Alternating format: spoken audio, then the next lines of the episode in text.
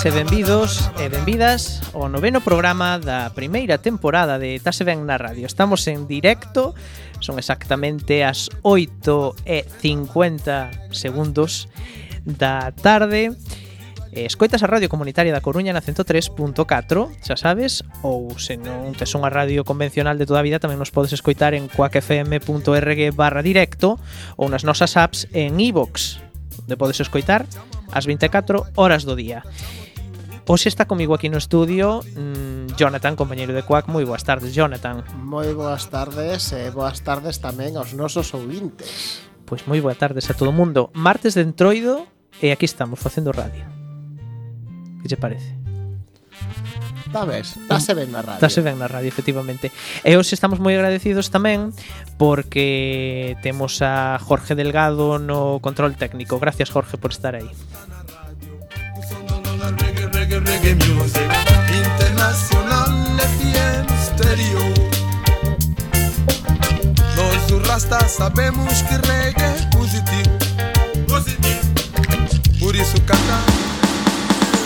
Estás a escoitar Tase Ben na radio.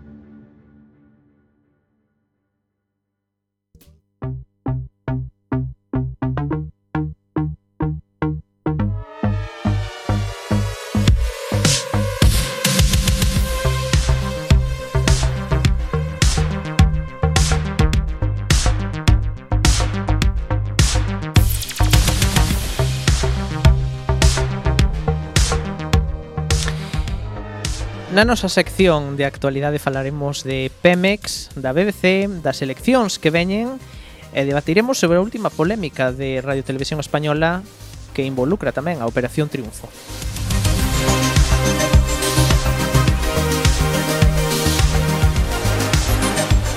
Ocuparémonos da primeira semifinal do Festival da Canción que tivo lugar en Lisboa este sábado pasado e da que saíron catro finalistas para a grande final.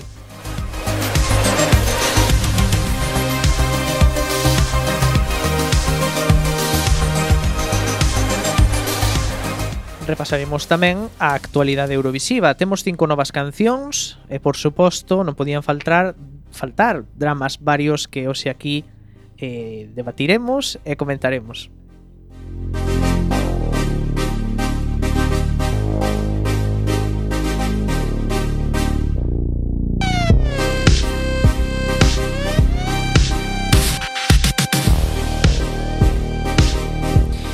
E desde xa animámoste eh, a que sí, a que nos sigas nas nosas redes sociais, estamos en Facebook, Twitter e Instagram.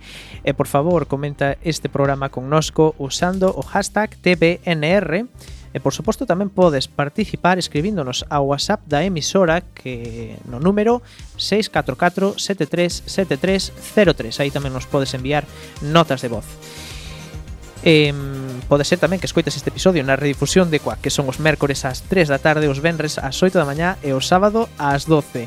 Este programa tamén o atoparás en iVoox e en Radioco, onde están todos os nosos episodios.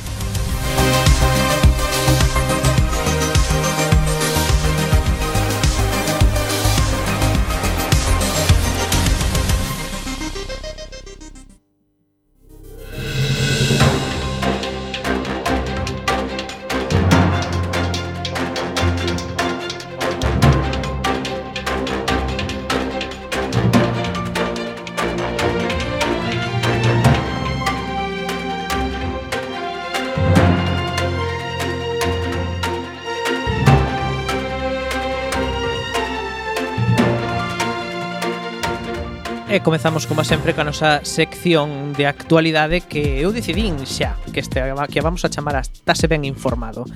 Comezamos con esta nova, según que podemos ler en diario nosdiario.gal.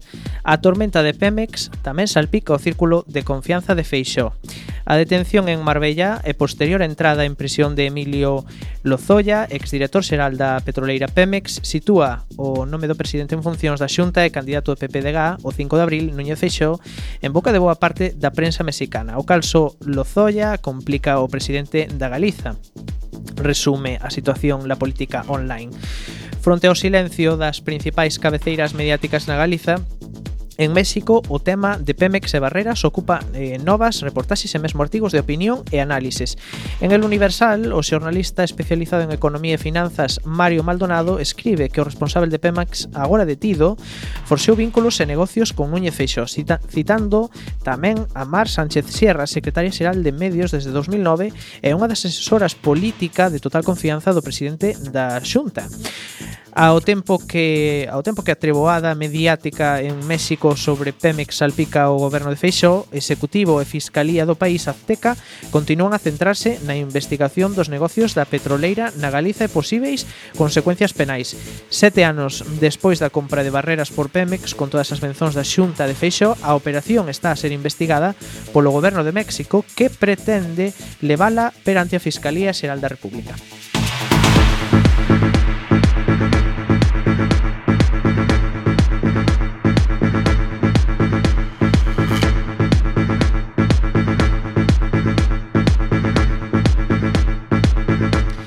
goberno británico quere acabar co sistema de financiamento da BBC e convertelo nun modelo baixo suscripción. A BBC que lemos en, en El País eh, e The Guardian, celebrará o seu centenario dentro de dous anos e as futuras celebracións vironse eclipsadas por un ataque sen precedentes aos seus, eh, aos seus fundamentos, o seu financiamento e a súa liña editorial polo novo goberno de Boris Johnson. A ministra de Cultura, Nicky Morgan, contribuiu ao actual estado de nervos do persoal da corporación co seu discurso de principios de mes no que utilizou a comparación de, block, uh, ah, de Blockbuster, a cadea de aluguer de películas películas e VHS e DVD que sucumbiu á era do streaming para expresar as súas dúbidas sobre o futuro da televisión pública. Simplemente, o mundo no que surdiu a BBC dixo a ministra, o seu financiamento a través de pago individual dunha licencia cambiou ata o punto de que xa non o recoñecemos. Debemos pensar cuidadosamente que queremos que sexa nos próximos anos, anticipou a ministra de Cultura. De momento, Downing Street comezou a plantexarse a posibilidade de eliminar a sanción penal que conleva a falta de pagamento da licencia. Todo residente no Reino Unido que goce da programación de BBC, sexa a través dun receptor tradicional de televisión ou a través do seu computador ou teléfono móvil, debe pagar unha taxa anual duns 185 euros. Existe un control efectivo de cada fogar con inspeccións in situ para comprobar o uso dos seus servizos. É unha ferramenta de multa de ata 1.200 euros para os infractores. Os inimigos da BBC defenden a necesidade de descriminalizar a falta de pagamento. Como en toda guerra cultural, as palabras son armas. A propia Morgan suxería no seu discurso a eh, improbable consecuencia de acabar en prisión por ver os contidos da BBC sen pagar. Os seus defensores son incapaces de atopar a viabilidade económica dun monstro que devora ao ano 5.870 millóns de euros, segundo cifras de 2019, das que 4.400 millóns proceden da taxa individual que pagan os cidadáns, e que aínda os estivo os así etivo ano pasado un déficit de 62 millóns de euros. O Sunday Times citou unha fonte a dicer que a emisora podería ser forzada a vender a maioría das súas estacións de radio nunha eh, poda masiva das súas actividades. O xornal di que o número de canais que a, televisión, a televisión da BBC tamén podría ser reducido o, o a web da BBC simplificada e as estrelas da tele seríalles prohibido lucrarse con segundos empregos ben pagos. A BBC ten o seu futuro asegurado de momento ata 2027 grazas a Royal Chart que a corporación negociou co goberno conservador de David Cameron.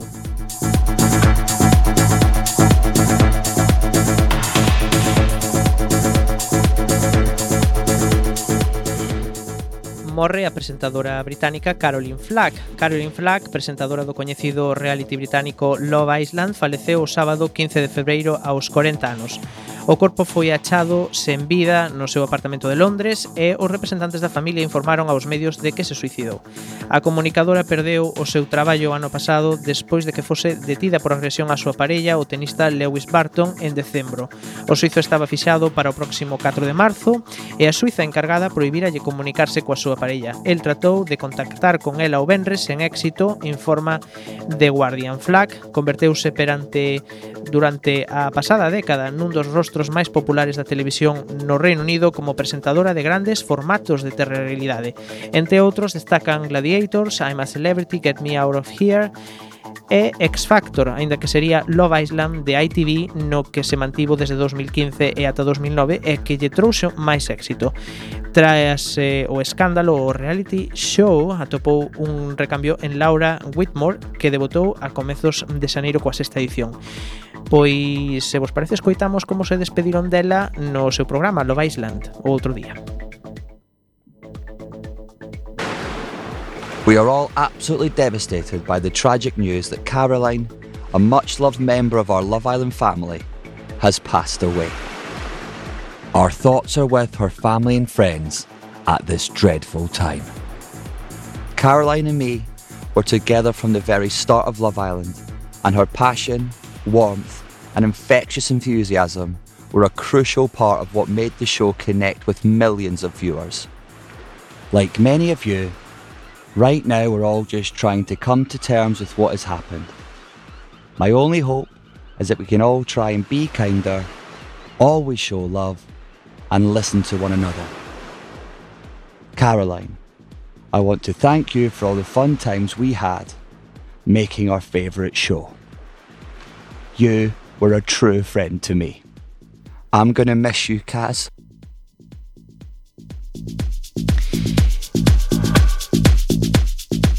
Tras coñecer o suceso, a ITV, a ITV eh, decidiu quitar da súa programación o especial cos mellores momentos de Love Island previsto para emitirse o mesmo sábado na súa segunda canle. Do mesmo xeito, Channel 4 tamén decidiu cancelar a emisión de The Surgery, un controvertido reality grabado antes de ser eh, detida, no que unha dúcia de concursantes debían competir para conseguir unha operación de cirurxía estética. No punto de mira están agora tamén os tabloides británicos que dedicaron dúcias de portadas a falar da presentadora e ridiculizar toda a situación que vivía. No The Guardian pregúntanse se unha vez máis unha celebridade femenina está morta en circunstancias espantosas e se orden as mesmas preguntas. Foi tratada diferente dun home na mesma situación? Confiamos nas nosas institucións, incluído o sistema de xustiza penal e os medios de comunicación para que se comporten xustamente coas mulleres e recoñezan a súa vulnerabilidade? Pregúntanse no diario británico. Outro que tamén se despediu dela no seu programa matinal en Radio One foi o presentador eh, Nick Greenshaw, que os coitamos agora.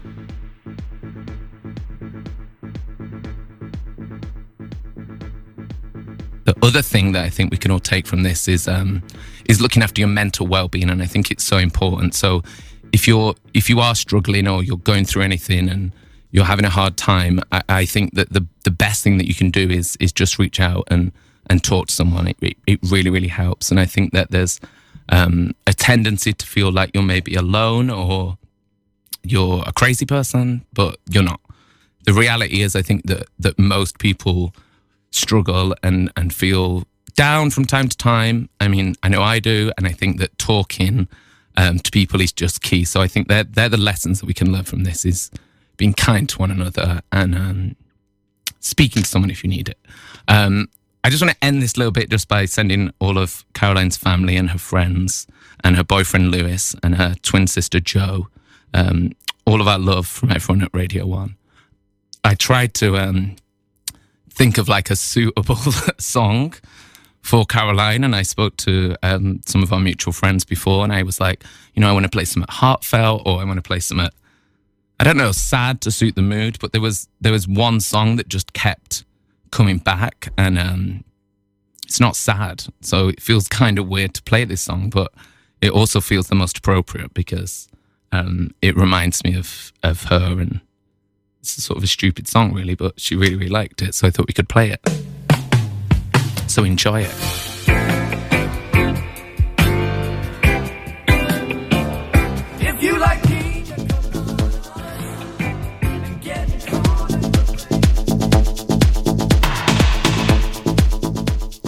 A Cerretova convida as principais forzas políticas galegas a un debate electoral o luns 23 de marzo.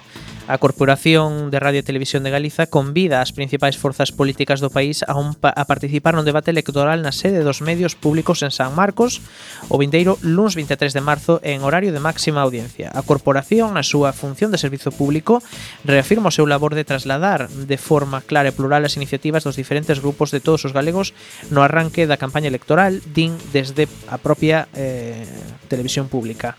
Desde que se publican as candidaturas definitivas que concorrerán aos comicios, a CRTVG poñerase en contacto cos representantes dos grupos políticos para chegarlles o seu plan de cobertura completo e para ter un encontro de traballo. A CRTVG, eh, CRTVG emitirá este debate das eleccións autonómicas 2020 de forma simultánea na TVG, na Radio Galega e nos soportes digitais. O debate será accesible en lingua de signos, tamén indican, ademais facilitarase o sinal do evento a todos os medios interesados na súa difusión.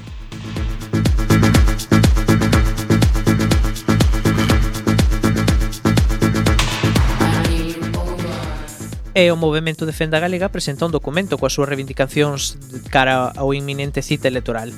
Ante a inminente cita electoral, din os traballadores dos medios públicos que participan no Movimento Defenda Galega reclamamos dos partidos políticos o compromiso de asumir as seguintes reivindicacións tanto de ter en responsabilidades de goberno como de estaren situados na oposición e reclaman destitución inmediata do actual director xeral da CRTVG e nomeamento de outra persoa seguindo o criterio marcado pola Lei de Medios posta en marcha no prazo máximo dun mes desde a formación do novo goberno do Consello de Informativos regulado na mesma Lei eh, de Medios, dándolle a este órgano as máximas atribucións posibles para evitar as presións partidistas sobre os traballadores recuperación das delegacións territoriais de Pontevedra, Ferrol, a Mariña e das desconexións informativas locais suprimidas en 2018, din que non hai servizo público sen cobertura de país, recuperación do formato orixinal do Diario Cultural, o programa de Cano, multipremiado da Radio Galega. Consideramos, ademais, que, que a cultura debe estar eh, moi presente nos medios públicos. Din tamén que é necesario o deseño dunha programación de servizo público para a temporada 2020-2021 na que se inclúan tanto na radio como na televisión programas de análise informativa e debates en horario de máxima audiencia, unha, pura, unha programación tamén dirixida ao público infantil que vaya máis aló da emisión de series e contidos animados.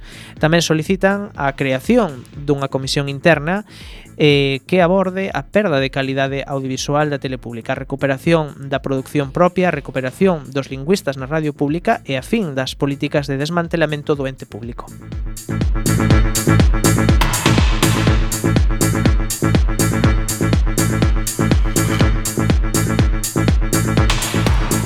Falamos agora de acoso en directo. Acoso en directo, o que sufriu a xornalista Raquel Guillán que informaba en directo da Calima cando foi eh, bicada por un espontáneo. A compañía condenou o ocorrido e ela presentou unha denuncia polo que pasou. O home foi multado con 2.600 euros e 16 meses de afastamento. E RTV emitirá os eh, Xogos Olímpicos de Tokio, Tokio grazas a 55 millóns de euros que o goberno español porá ao seu dispor. O goberno cumprirá a súa promesa de dotar presupostariamente a RTVE para que a corporación pública poida emitir en aberto os Xogos Olímpicos de Tokio 2020 o próximo verán.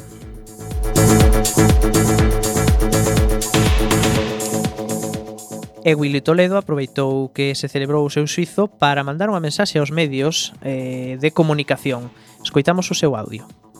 Con los seguidores de la, del pastafarismo y niego que el, que el monstruo del espagueti volador sea el creador del cielo y la tierra como, como sostienen los pastafarianos, pues igual me, me tendrían que llevar a la cárcel. Viva la libertad de expresión y abajo el fascismo que nos está comiendo a todos. Y gran parte de la responsabilidad de que estos fascistas tengan el poder que tienen hoy en día es de todos estos medios de comunicación que legitimáis a Vox como si fuera un partido legítimo y democrático. Cuando los tengamos en la puerta de nuestras casas y en la puerta de vuestros medios de comunicación, ya veremos a ver quién defiende a Vox, porque sois tan responsables de todo esto que está pasando como los propios abogados cristianos y como el propio Código Penal, que todavía admite en su artículo 500 la hostia, no sé cuál es, las ofensas a los sentimientos religiosos. Beto Rodríguez, presentador das noticias da canle portuguesa SIC, adica o comezo dun informativo a falar do racismo sufrido por Marega, xogador do Porto. Mousa Marega mm, dixo basta e abandonou o campo con un 2 a favor do Porto despois de sufrir insultos racistas no campo de Victoria en Guimarães. Escoitamos o audio. Primeiro Jornal, com Bento Rodrigues. Boa tarde e bem-vindos. Começamos este jornal com o rosto do caráter, da coragem e da lucidez.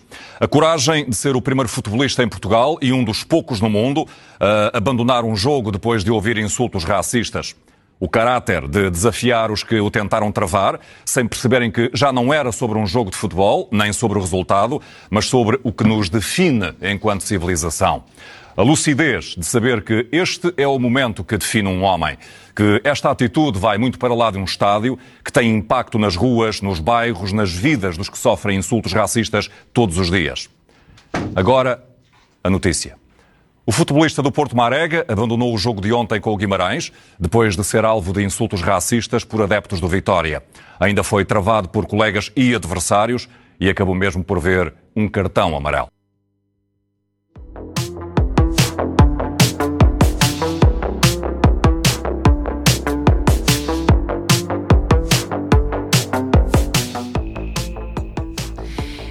E seguimos, xa deixamos a nosa parte máis seria do informativo porque en, vamos falar agora da última polémica de televisión española e Operación Triunfo a conta das Douradas. E ao pouco de comezar vamos a situar eh, bueno, neste debate vai participar tamén Jonathan, que ademais non sei se querías comentar algo da, da sí, noticia anterior. Da noticia anterior, porque colleume precisamente en Portugal, que foi unha semana pasada, eh, únicamente quero dicir unha cousa sobre este asunto, eh, porque a realidade é que no fútbol sempre hai a típica noticia de que a un xogador eh, que sempre sufre comentarios racistas. Hai anos foi aquí en España, tamén é moi común en Italia, pero teño que dicir que cando prendí a televisión non había cadea que non estivera a falar e a condenar, que o máis importante da igual, que cadea fora, que todos tiñan 20 minutos e, e incluso a típica cadea que dedica únicamente ao deporte, que é 90% de fútbol, mm eh, me gustaba, a verdade, ver que ese día deixaron de dar todas as noticias de deporte únicamente para non debatir, senón comentar exemplos que pasaron na historia do fútbol de racismo e, mm. e digamos intentar aprender de que de que de como cambiar ese comportamento no fútbol. Sí, a ver, a verdade estaba en que que que os medios portugueses eu mm, recollín este este este pequeno audio da SIC, que é unha televisión privada porque me pareceu moi moi interesante como abriron os xornais ou como abriu o informativo, non? Como se fose como a noticia importante que é pois que este xogador sufrise insultos racistas e ademais que os seus compañeiros, que isto hai que recalcalo, os seus compañeiros de equipo eh, o, o tivesen case parando, non? Para que non se metese en líos, non? Mira, que estaba que o estaban insultando eh, estaba recibindo insultos racistas, claro que ten todo o seu dereito de marchar e de e de isto. Pero bueno, pasamos ao tema que, que nos iba a ocupar. Eh, decía que, bueno, pois pues, ao pouco de comezar o reality musical de televisión española, Mayalén, unha das participantes, expresaba desta forma a súa opinión sobre a tauromaquia. Escoitamos a Mayalén. Porque, o sea, non me apetece sacrificar a ¿sabes? Un Pero es montón de que están animalillos. sacrificando y se les puede sacrificar poniéndoles una inyección y que el animal no sufra o metiéndolo en una plaza, haciéndole pasar un estrés del copón, Ya. clavándole banderillas en la espalda, mientras un montón No, de ver, no, gilipollas eso- eso ni están en una plaza bebiendo, fumando y descojonando. No, eso yo no estoy de acuerdo. Hostia, es que es muy nazi. Sí, es muy nazi. Ostras, hay que ser muy psicópata, ¿eh? Es muy nazi. Mucho, También la vergüenza de la mucho. cultura Y encima te miran y te dicen que es que da mucho dinero. Te- es que te- no. me sé las cifras porque no me las sé. Pero si haces la comparación de lo que me cuesta a mí la tauromaquia limpiando mierda para poder mantenerme mi vida. Me quitan dinero y la meten en la puñetera tauromaquia. Porque cogen dinero de tus impuestos. Y si comparas el dinero que genera con el que nos cuesta, nos sale fatal.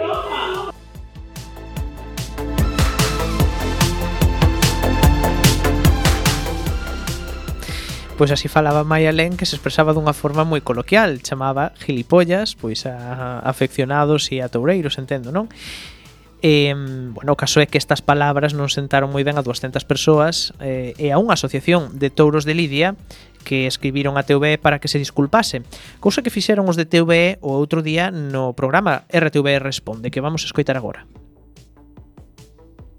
Los aficionados a los toros no nos preguntamos cuánto nos cuesta Operación Triunfo, lo único que exigimos es libertad y que se nos trate como a cualquier otro colectivo porque no me puedo imaginar qué hubiese su- sucedido si estos insultos eh, hubiesen ido destinados a cualquier otro tipo de colectivo. Y por eso exigimos una rectificación pública El tono de los comentarios realizados por la concursante contra los aficionados a los toros son opiniones personales que no compartimos.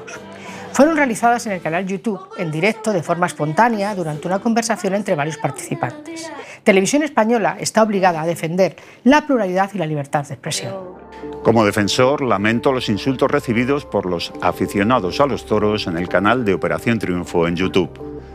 Aunque no se trata de un programa de opinión, los participantes en cualquier espacio de televisión española están sujetos a las normas y manuales que regulan el funcionamiento de la televisión de todos. Respecto a la libertad de expresión, nuestro libro de estilo deja bien claro que la libertad de expresión no ampara en ninguna circunstancia el uso de expresiones insultantes, insinuaciones insidiosas, injuriosas o vejatorias. Por tanto, confío que de ahora en adelante se tenga en cuenta esta premisa. Decía este señor indignado que non se quería imaginar o que pasaría se se falase así de outros colectivos. Bueno, a cousa é que non hai que imaginar tanto porque nesta mesma edición do programa soltaron comentarios machistas, homófobos e transfobos sen que TV, sen que TV dixese nada nin tomase ningún tipo de medida, así que tampouco hai que imaginarse estas cousas. Jonathan, ti crees que TV tiña que pedir disculpas por isto?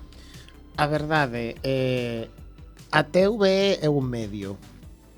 Eh, a verdade, sendo realistas, non me lín o libro de estilo este do que falan, tamén podo dicir que posiblemente ninguén o estea a cumplir o 100% porque iso é imposible. Hmm. Ahora ben, se alguén tería que pedir perdón e depende da vontade da persoa, é ela e non creo que teña que pedir perdón se a súa opinión, me refiro... Hmm. Pero desde logo me pareceme tamén unha falta de respeto sendo unha concursante que teñan que pedir perdón por ela e ela sen sabelo, porque realmente eh, na escola están como como cegos e sordos, non poden saber nada do exterior. Hmm, en teoría. En teoría. Entón, digamos que mm, igualmente sí que podería tirar como que a opinión da rapaza non estaba moi fundamentada. Eh, sí que podo compartir a súa opinión de que a fin al cabo da igual o prezo que custe, senón é a historia de que non se pode facer unha festa basada en iso. Hmm. Agora, Eh, non sei como será o libro de estilo, volvo a dicir a televisión española. O libro do estilo que ten que terte todo periodista sea a de expresión, hmm. non ten que pedir perdón pola libertad de expresión, porque al fin e al cabo a Asociación Taurina tamén tivo espazo para dicir uh -huh. mira, eu non estou de acordo e parece unha falta de respeto e ninguén lles pode dicir nada por dicilo tampouco. Uh -huh. Iso é a liberdade de expresión. Uh -huh. Non decir, mira, cala ti que o que dis non me gusta. Pois sí. E ademais que TV porque se ten que posicionar eh, neste asunto. Quero decir, parece que aquí eh, esta asociación estaba exixindo ya TV que se que se posicionase na defensa dunha festa, vamos, que que estará protexida todo o que ti queiras, pero non todo o que está protegido mm, bueno, o merece, digamos. Exactamente. Eh, a, a único que lles podo pedir a, a realmente a, a xente da TV é que se quere que os seus concursantes digamos, actúen como lles dé a gana eles hmm. pois que os contracten como actores, non como concursantes. Hmm. E a mí o que me sorprende tamén é a rapidez coa que se lanzaron a pedir perdón por cousas que non tiñan que pedir perdón, cando houve outros moitos temas, como decía antes, comentarios transfobos, comentarios machistas, por os que non lle pediron perdón a ninguén. Aí que pasa, non lles eh, non lles importaba mm, difundir ese tipo de mensaxes, pois mira, moi mal. O caso é que onte durante a gala eh, levaron a Estrella Morente eh, a cantar Volver con Nia, que é outra das participantes. Pois Estrella Morente, con toda a súa cara, cambiou a letra de, desa canción mítica Volver, ese bolero, para cantar isto. Escoitamos o que cantou Estrella Morente onte. Ni el torero mata al toro ni el torero mata al toro, ni el toro mata al torero. Los dos se juegan su vida a un mismo azaroso juego. No trafiques con su alma no trafiques con su alma, no le perdonéis la vida al toro, bravo en la plaza, que humana cobardía, robarle al toro su muerte, a sola y en su agonía.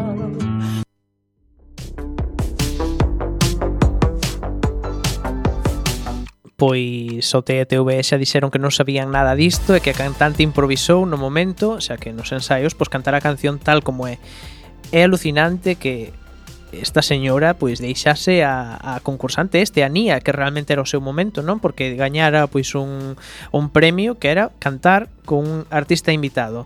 E que chegue esta persoa e se poña a cantar isto para soltar a súa propaganda eh, aparte que ademais vese ben nas imaxes que Nia que a, canta, que a participante a concursante quedou totalmente mm, descolocada, non sabía onde meterse, non sabía. Moi profesional tamén, eh.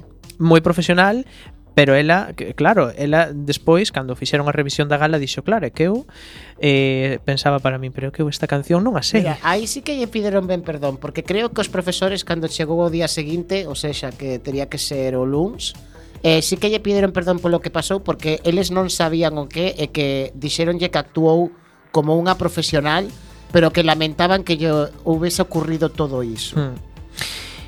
E, e ademais que Estrella Morente Bueno, Nia desvelou que Estrella Morente tamén lle mentiu Porque antes de subir ao palco eh, Estrella Morente dixo mira, o que vou facer é cantar Pero non lle dixo que iba a cantar estes versos Nia pensou que sería unha cousa tipo Cantar a voz, facer algún tipo de digamos, quejío destes, mm. pois para quentar. Pero non, claro, Nia quedou totalmente sorprendida. Mm. Bueno, o único que, que que, que vou dicir agora reengan, reenganchando un pouco coa liberdade de expresión que tanto lle gusta a xente. Esta muller estuvo en televisión e eh, ninguén lle, lle detuvo nada de dicir todo iso, de cantar todo iso. Mm. Eh, vamos a hablar tamén, falar tamén de, de profesionalidade, porque está claro que se ti estás nun medio eh, ves que critican a outra persoa por expresar a súa opinión desa maneira e non atenerse o que realmente o seu traballo que cantar. Pois eh, vamos a falar de ofendidos que poden sentirse os demais. A liberdade de expresión é o que ela fixo e tamén é a exposición que ela ah. ten agora de enfrontarse as contestacións que pode tener da xente que non comparte a mesma Sí, opinión. pero mira, eh, cambiaron a canción como volver para cantar este este esta historia que cantou, a ver, a mí pareceme destrozar a canción, Hombre, sinceramente, eu sou bueno. o programa, eh, creo que estas cousas tense que firmar de de anterioridade. Obviamente non vou ir a Operación Triunfo sí, e decir que... mañá canto con vostedes. Eh, sí, no, o tema é que ela nos ensaios eh, fixo todo pola, polo libro. A mi modo de Pero... ver, isto é mala fe. Me refiro, ti firmas unha cousa e se despois fais outra, eu sou o programa e digo, mira, para empezar non te invito de novo mm. a cantar aquí nunca máis, pero aparte é que se entende unha rotura de contrato por Claramente. todos os lados. Eu creo que deberían sancionar de algunha forma.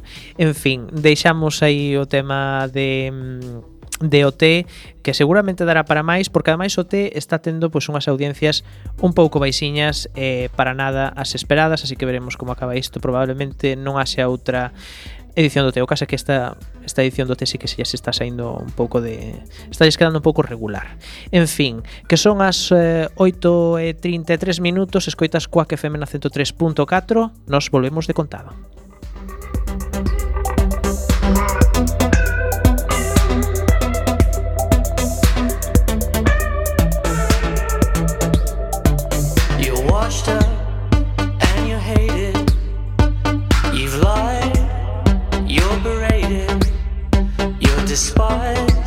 Contaminated, defeated, isolated.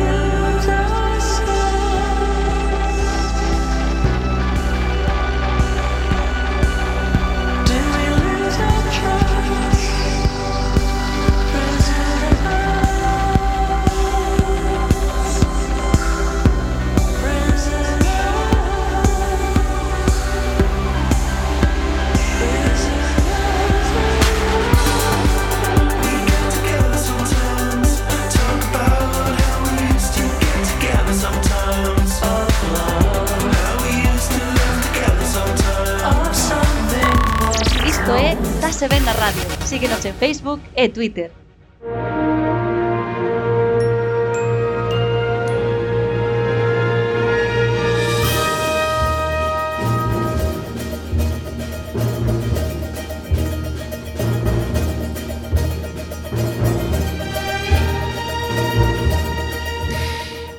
Pois esta sintonía, como sempre, introduce a nosa sección que somos moi luso, lusófonos, iba a decir lusófilos. Eh, Jonathan Mais, que acaba de vir de Portugal. Sí, que... eh, eh, xa estame dando problemas, porque cando vou alá teño problema de que introduzco moito galego no portugués e cando xa estou de volta eh, escápaseme o portugués no galego. Pero mira, eso está moi ben, porque son idiomas moi que se entrecruzan sí. moito. E o caso é que vamos falar do Festival da Canção que mm, pois este sábado celebrou a súa primeira semifinal, estaba presentada por Tania Rivas e Oliveira eh, de Oliveira e Xorxe, Xorxe Gabriel. E e mm, foi acompañada pois por 531.000 espectadores, marca que rendeu un 5,6 de cota de mercado e un 13,1% de share. O programa pois ficou en terceiro lugar no horario de transmisión e tive un pico de audiencias ás 22:45 despois das oito actuacións con perto de 800.000 espectadores e un 18,8% con 18% de share.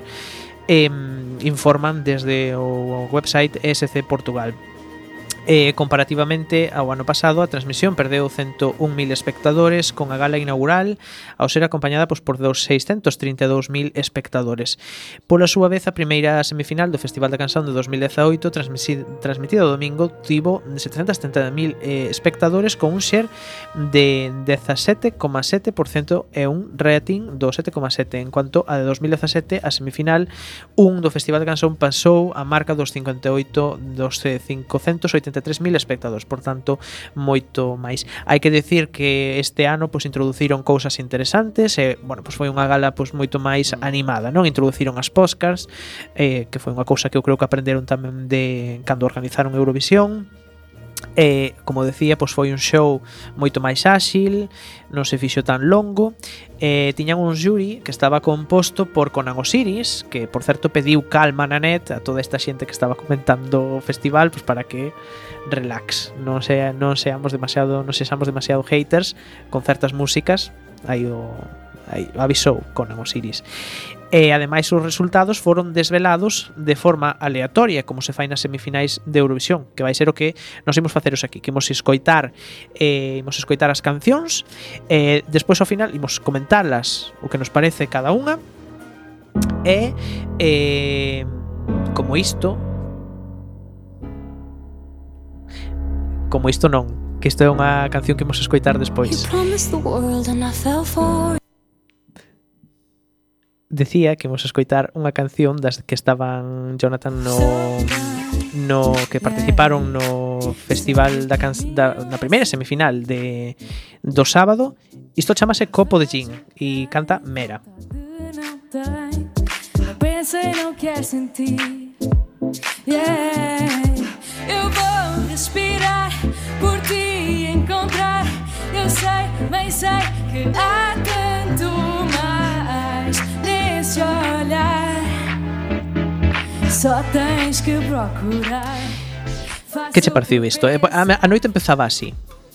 Estamos eh, coa única canción da semifinal que eu apoiaría. Sí, gustouche.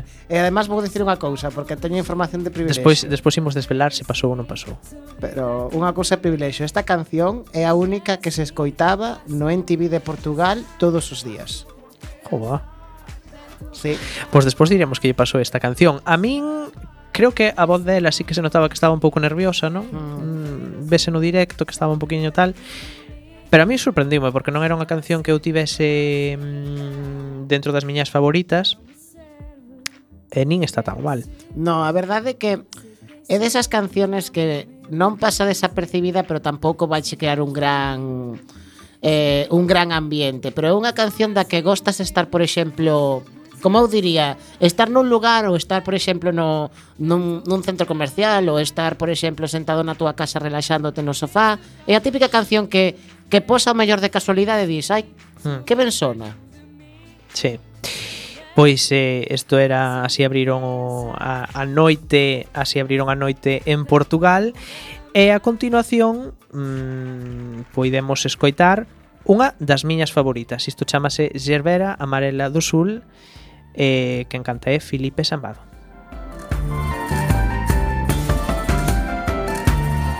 Fé da tese aristocrática com tão pouca matemática e ciência de opinião.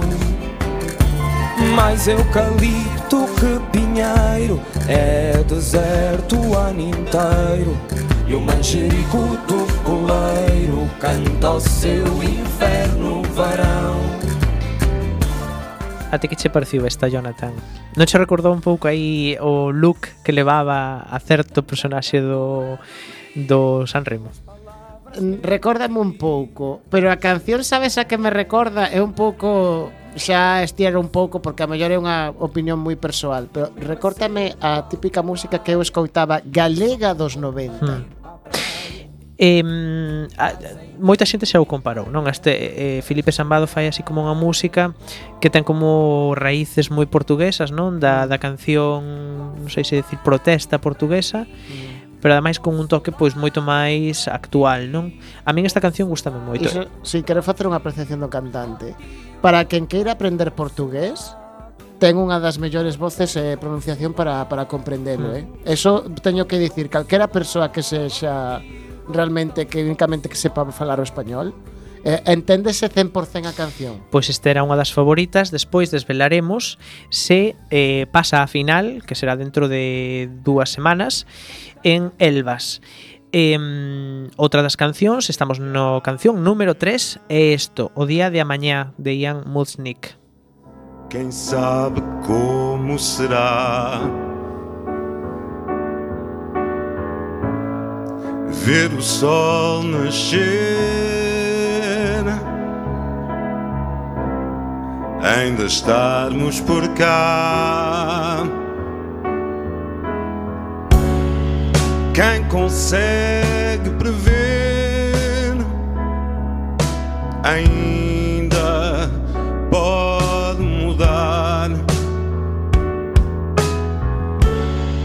que amanhã pode ser. Jonathan, esta é unha canción como moi clásica. Sí, pero sabes a que me recorda? Eh, creo que é como unha canción que queixaría moito ben nun cantante portugués que dos máis famosos que se chama Pedra Bruñosa. É o típico de canción que encaixaría nesa persoa. Hmm. Eh, e a verdade, non é que o faga mal, a canción é boa. Sí. Pero na miña opinión, aínda que xa sei que os nosos amigos do Eurovisión Portugal quizás non compartan porque como xa dixo o noso compañeiro da eh, desde Sabrador Sobral non se pode dicir que ningunha canción sea xa eurovisiva. Hmm. Eu sí que vou afirmar de que esta canción non Eu non creo non que sexa moita moi eurovisiva. Entón, pero soaba bastante ben. No, o que pasa soa que soa soaba bastante ben en directo, o que pasa que era un pouco soso todo. Exactamente. Pero a canción a min tampouco era das miñas favoritas e tamén me sorprendeu para ben. Sí, sí, non, sin eu non vou defender que se xa mal, eh? A canción é boa. Hmm. Pois despois de despois de Ian Musnick eh, foi o turno da outra favorita, hmm, despois comentaremos se Ian pasou a final, pero a outra favorita era Bárbara Tinoco con este Passepartout. Tentei dizer, fiz-te entender que estava perto do fim. Dá-me os meus EPs, os LPs, dá-me tudo o que te emprestei. O livro de Vinícius de Moraes e o retrato de Gray. E se algum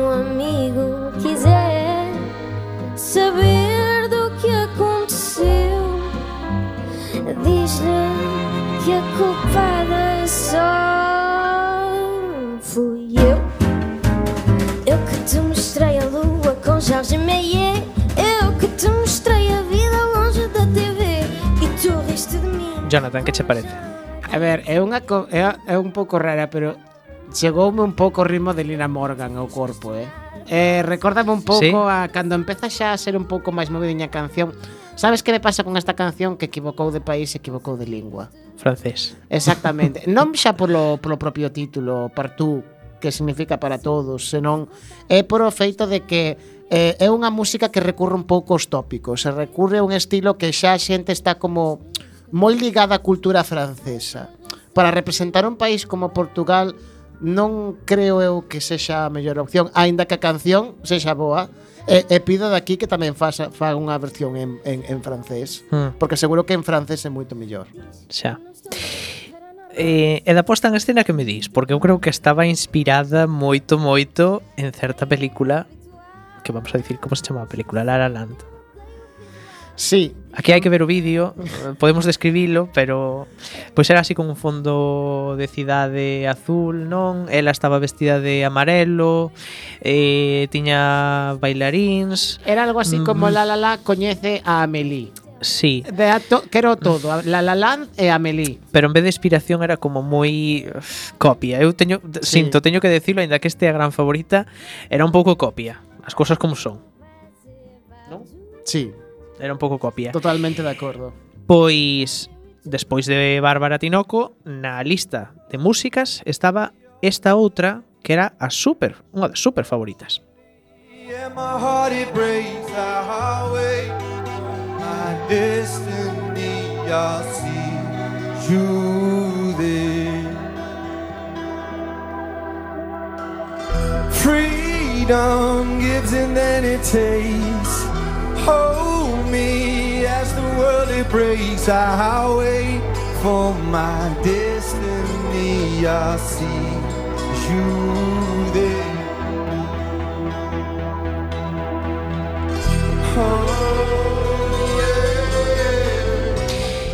Que foron un pouco decepción da noite. Esta era a polémica de que cantaba no que cantaba en inglés que... e non estiveron para nada ben vocalmente. Eh, esta canción obviamente pide como moita, pide incluso pirotecnia. Eu entendo que isto tamén non era só culpa deles, non? Pero, en fin, quedouse aí todo un pouco Igual tamén esta clase de concursante que se presenta únicamente para darse a coñecer, non? Hmm. Sí. E despois continuamos con Medo de sentir de Elisa, que era a miña super favorita. Agora não consigo aceitar, parece que é rotina. A minha solidão teima em voltar. Eu não era assim, mas agora tenho medo de sentir. sabe tudo sobre mim. Que eu creo que aquí ela sí que cumpriu. Sí, a verdade é que aunque a miña canción siga sendo Copo de Gin, eh, creo que a mellor actuación da noite foi desta muller. Eh. Esta, esta estuvo moi ben. Escoitamos agora de fondo Agora de Ye Jazz que eran outros dos participantes. Estas que che pareceron?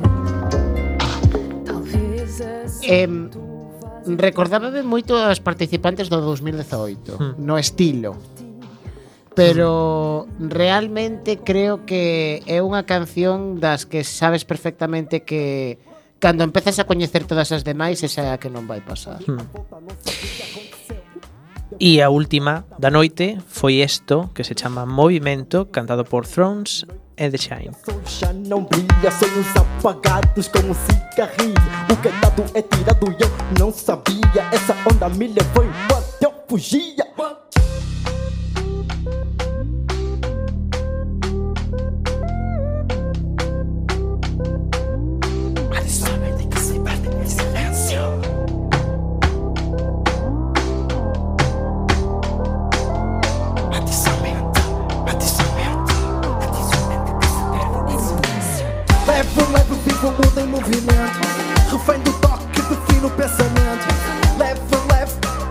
Nunca esquece. O perpétuo movimento do meu tempo. O caminho é daqui ao fim do mundo. Nascemos e morremos num segundo. Levo, levo, vivo, mundo em movimento. Refém do toque, defino o pensamento. E esta que tal? Pois esta podo dicir que tamén por por método de observación de estar ali creo que quizás entre os eurovisivos non sería das preferidas, pero entre a xente xoven sí de sí. Portugal. Pois vamos eh, vamos desvelar xa cales foron as que pasaron. Esta que foi a super sorpresa da noite, que nadie contaba con que pasara isto, pero fixeron moi ben porque eles tiñan unha enerxía no escenario que era brutal aquelo. Pasou tamén eh, quen? Bárbara Tinoco con Passepartout Xervela Amarela do Sul de Felipe Sambado, outro dos nosos super favoritos, e a miña super favorita, Medo de Sentir, de Elisa. Así que temos pois unha moi boa selección, sentindo moito por Rebellion, que era pois unha das grandes promesas que se quedou pois en nada, pero porque eles eh, o fixeron pois un pouco regular as cousas como son, para que nos vamos a engañar. Eh, O que imos facer agora, vamos deixar xa a Portugal e imos pasar a mm, repasar algunhas das cancións que temos eh, xa seleccionadas. Isto xa é para Eurovisión, eh, para Eurovisión 2020, vale?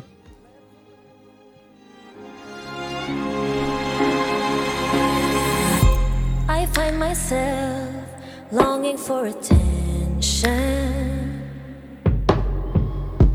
I'm not myself doing what I do. I know I may have hurt someone I love along the way. It wasn't my intention. I lost myself. Pois isto é a canción que vai levar Noruega. Jonathan, que che parece? A verdade é que Chámase, perdón, chámase Attention e canta Ulrike.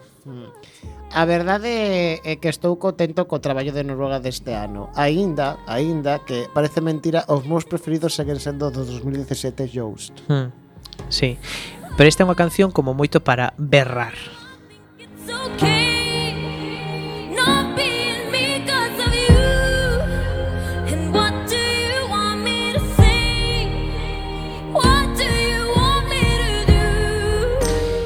Eu creo que prognostico que vai ter eh, moi boa acollida eh, que seguramente o vai facer moi ben Ulrike, ademais ten unha voz en directo, isto que estábamos escoitando de fondo era o directo da, da, súa, da súa final nacional eh, a verdade que non decepcionou fixo moi ben E esta, sorprendentemente, que a canción lituana para 2020 converteuse na sorpresa da temporada porque está de primeira na casa de apostas.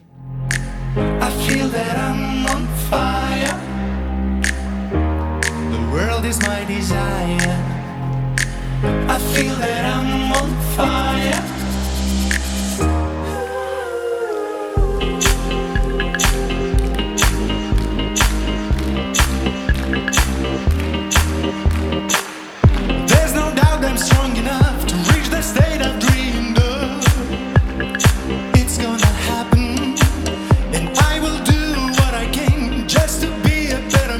Ti escoitar a la Jonathan. Sí, non é que non me guste, vou facer unha broma, eh, non está de, que recorda que está de primeira, sí, eh. Sí, sí, sí, pero non que a xente non o tome a mal, pero é que a típica canción que xa sei que Amancio Ortega vai querer coller para Pulambir para a próxima tempada, sabe? É a canción que típica canción que escoitas cando vas de compra ese tipo de tenda. Mm. Pois a mí sorprendeme moito, eu a verdade que a teño aí en repeat bastante. Hombre, teño a que coreografía que fixeron non, non a dou entendido aínda hoxe, pero a canción está bastante ben. Eh, grandes agardados eran Overphonic, que van representar a Bélxica con este Release Me. It's not right